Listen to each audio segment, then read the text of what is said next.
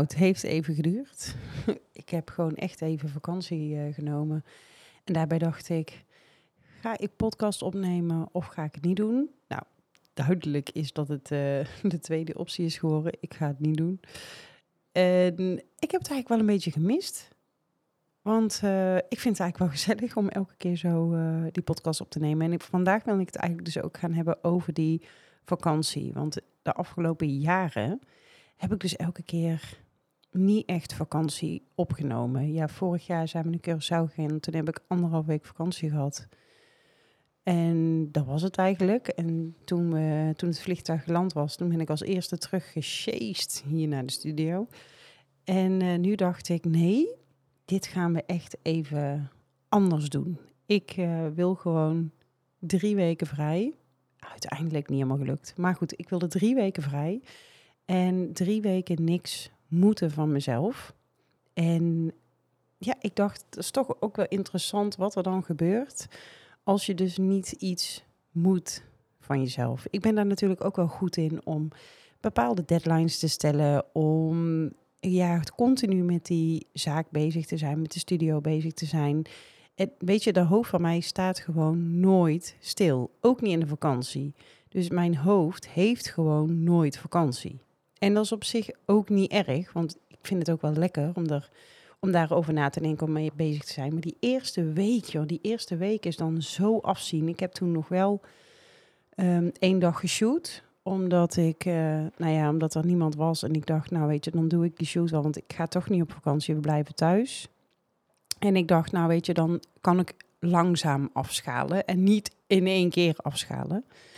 En dan merk ik dus toch, ik werd zo onrustig die eerste week. En ik had het gevoel dat ik allemaal dingen moest. En ik kon niet ontspannen. En ik was gewoon één grote stressblok. En kon alleen maar aan werken denken. En was alleen maar aan denken, oh heb ik dit gedaan, heb ik dit gedaan, heb ik dit gedaan. En het grappige is, we waren niet eens dicht. Ik bedoel, er was gewoon altijd wel iemand in de studio. Maar toch het gevoel dat je dan niet de dingen niet goed hebt achtergelaten. Of ja, dat dingen nog in de lucht hangen waarvan je denkt, oh, dat had ik eigenlijk nog wel moeten regelen.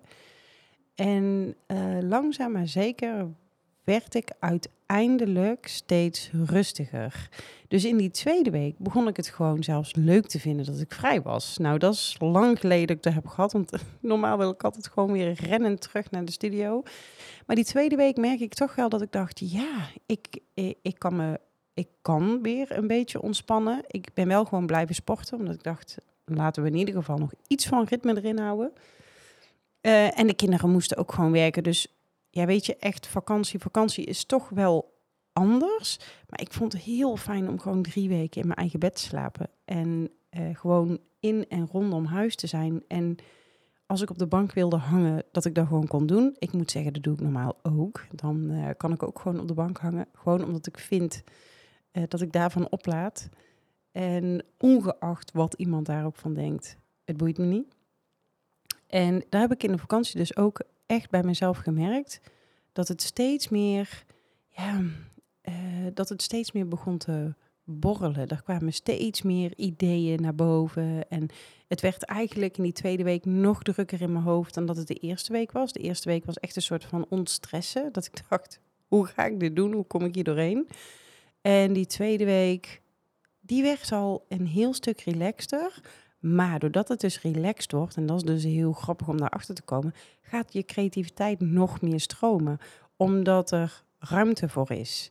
Zonder dat je allerlei dingen dus moet en dingen mag, ontstaat er dus veel meer ruimte. Dus ik, ja, toen ben ik allerlei dingen uh, ben ik gaan lezen. Want ik vind lezen dan echt wel heel fijn. Er zijn dingen die ik dus alleen doe in de vakantie.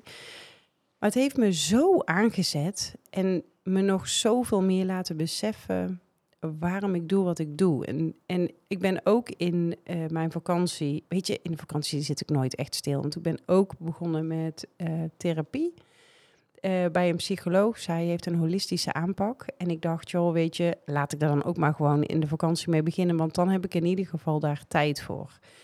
En ik weet nog dat zij aan mij vroeg van, maar waar komt dan die ontzettende drive vandaan? Die wil om, die, die am, ja, dat ambitieuze, dat dat je er een succes van wil maken, dat je drive zo groot is, waar komt er vandaan? En weet je, dat zijn ook dingen die me dan bezighouden. En dat vind ik dus ook leuk, want daar had ik dus ook ruimte voor in de vakantie. Omdat ik niet alleen maar hiermee bezig was, dacht ik, ja, waar komt eigenlijk die drive vandaan?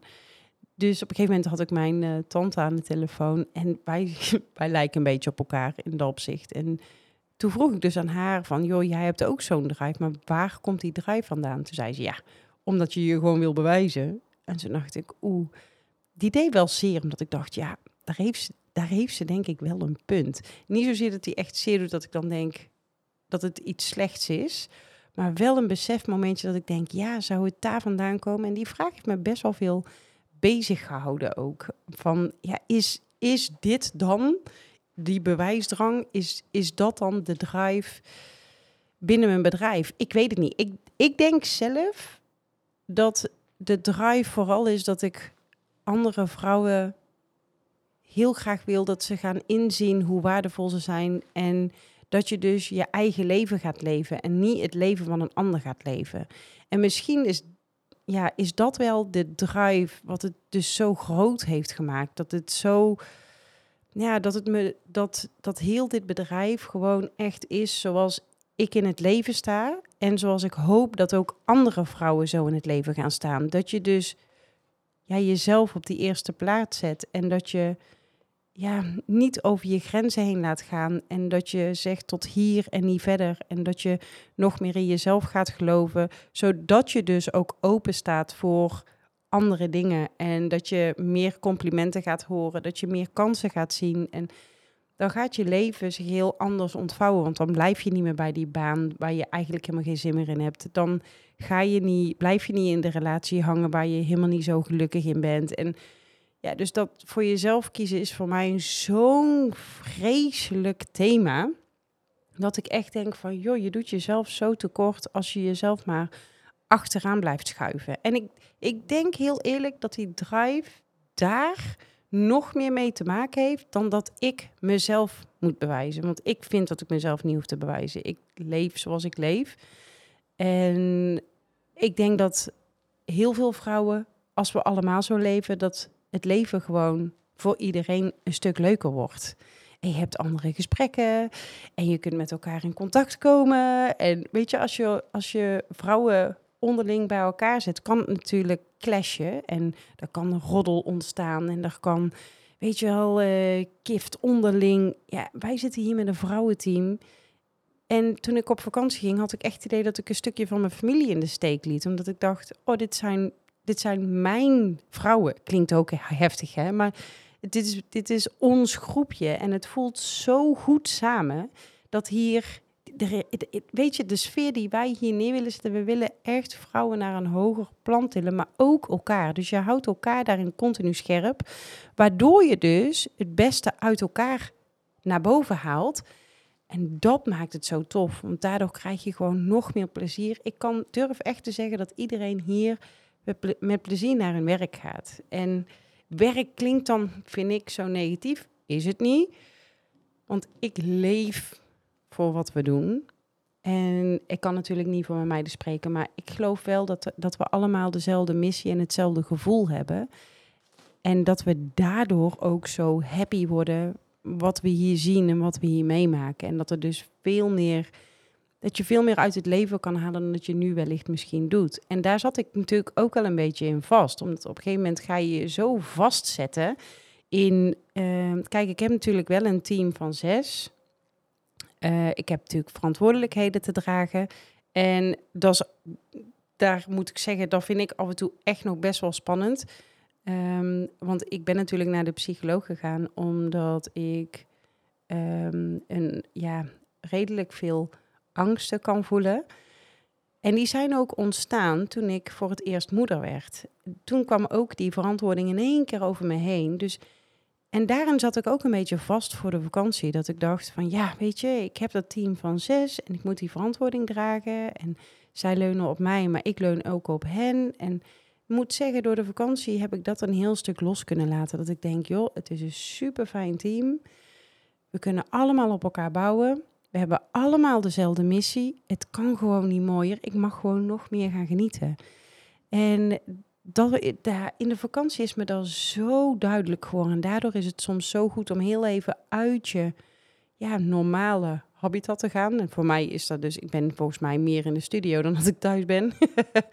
Ehm, en het was voor mij zo goed om daar even afstand van te nemen, om even boeken te gaan lezen, om er even gewoon in mezelf te duiken en te gaan kijken van, joh, maar wat speelt daar dan nu? En, en dat is grappig, want de derde week van mijn vakantie, toen eh, kreeg ik echt, ja, toen dacht ik, ik vind het gewoon leuk om weer aan de gang te gaan. Ik heb zin om weer, ja, om, om sowieso om elkaar weer te zien, maar ook om die transformatie van die vrouwen weer te zien, om mensen aan te zetten op het moment dat ik denk, welke afslag neem jij nu? Of wat zeg jij nu? Weet je wel, dan kan ik daar wel op inbreken en denken maar hoor je nu wat je zegt?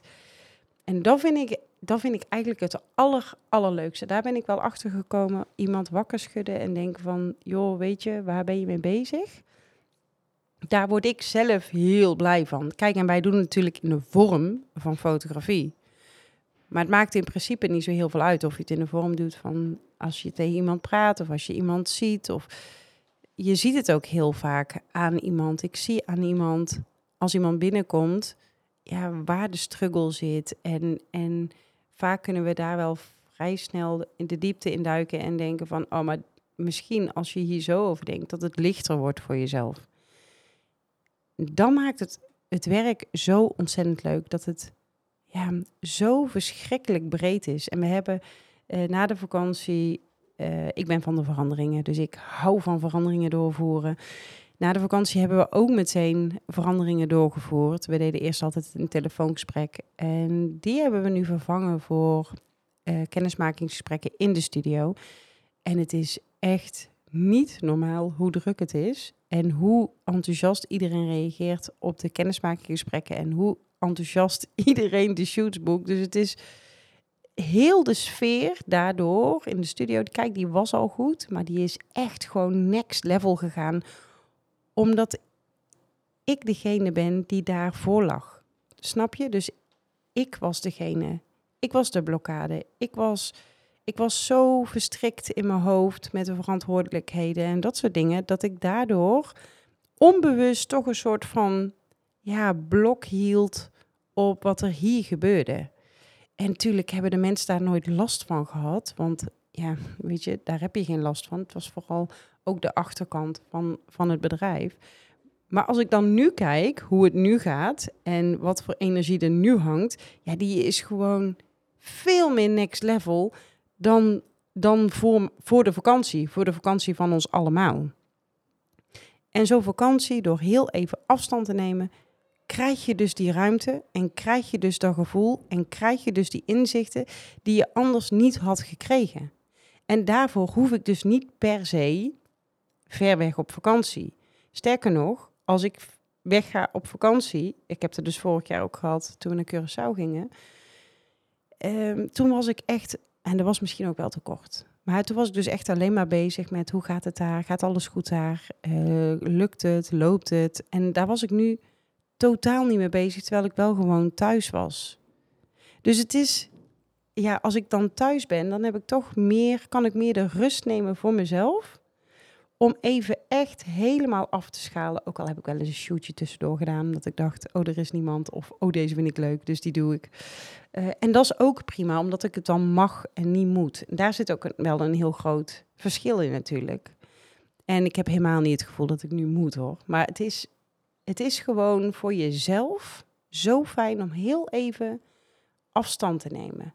En ik denk dat het in alle gevallen goed is. Als je ergens over twijfelt of als je ergens denkt, hm, dit loopt niet lekker, neem er even afstand van. En dan bedoel ik niet een uur of een dag, maar neem er gewoon wat, wat langer afstand van. Want dan ga je dus, dan kan het pas processen. Eerder kan het bij mij niet processen. En dan ben ik redelijk snel in mijn hoofd altijd. Maar dat kreeg ik niet geprocessed.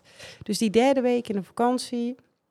Ja, weet je, toen had ik echt zo'n zin om alle veranderingen die ik in mijn hoofd had doorgemaakt. En, en alles ja, wat ik in mijn hoofd had zitten om dat te gaan uitwerken.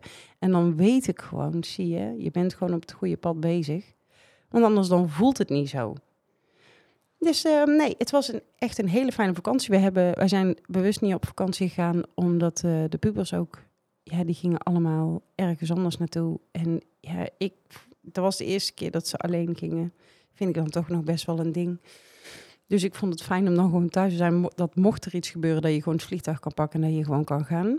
Dat was een reden. En uh, we hebben ook een zwembad gebouwd in de tuin. Nou is het niet echt prachtig weer geweest. Dus, uh, maar we hebben er wel veel gebruik van gemaakt. En, dus ik dacht, nee, dat, ik, dat had ik gewoon in mijn hoofd. Voor de zomervakantie ligt er een zwembad. Nou, het is in de zomervakantie geworden. Maar het is echt zo heerlijk. En het is zo fijn om te zien hoe iedereen geniet van onze tuin nu. En het zwembad wordt zoveel gebruikt. Echt niet normaal. Dus ik ben zo intens dankbaar dat we deze keuze hebben gemaakt. En dat het goed voelt. En dat ik denk, ja, heerlijk dit. Nou, deze week eh, is het nog mooi weer. Tenminste, als je deze week de podcast luistert. We zitten nu in uh, 5 september. um, en het is echt prachtig weer deze week. Dus wij gaan nog even lekker genieten van het zwembad. Ook met de meiden hier. Want als we dan een middagje op tijd klaar zijn, dan uh, nemen we ook nog een duikje. Maar ik, uh, ja, ik ben benieuwd, hoe was jouw vakantie? Als je, als je ook gave inzichten hebt gehad, uh, deel het gerust met me via een DM. Heb je nou zoiets van, oh, ik wil eigenlijk wel heel graag een kennismakingsgesprek inplannen, omdat je, je in de vakantie totaal voorbij bent gelopen. Dat je denkt, oh mijn god, die kinderen en het huishouden en, en ook op de camping gaat alles gewoon door. En ik, ik ben zo blij dat ze weer op school zitten. Hey, die periodes heb ik ook gekend. Gelukkig zijn mijn kinderen wel ouder, dus heb ik er nu minder last van. Maar dan ben je echt alleen maar voor anderen aan het rennen in plaats van voor jezelf. En dan is er geen ruimte voor jezelf. Dus als je zegt, ik wil, het is even tijd voor mij. Plan dan gerust een kennismakingsgesprek in bij ons. Dan kom je hier gewoon in de studio. Dan ervaar je wat, uh, wat anderen ervaren. Meestal is er wel een shoot bezig, dus dan kun je een beetje... Nou ja, je ziet de shoot niet natuurlijk, maar je kunt wel een beetje de sfeer proeven. En uh, wij zijn gewoon heel benieuwd naar jou en wat jij graag wat jij mooi vindt aan jezelf en wat jij graag verankerd zou willen zien, in welke emotie je vast wil leggen. Dus uh, ook dan stuur dan een contactformulier op via de, uh, via de website. Dan kunnen wij ze een beetje stroomlijnen. En dan, uh, nou ja goed, of tot de volgende podcast of tot graag in de studio.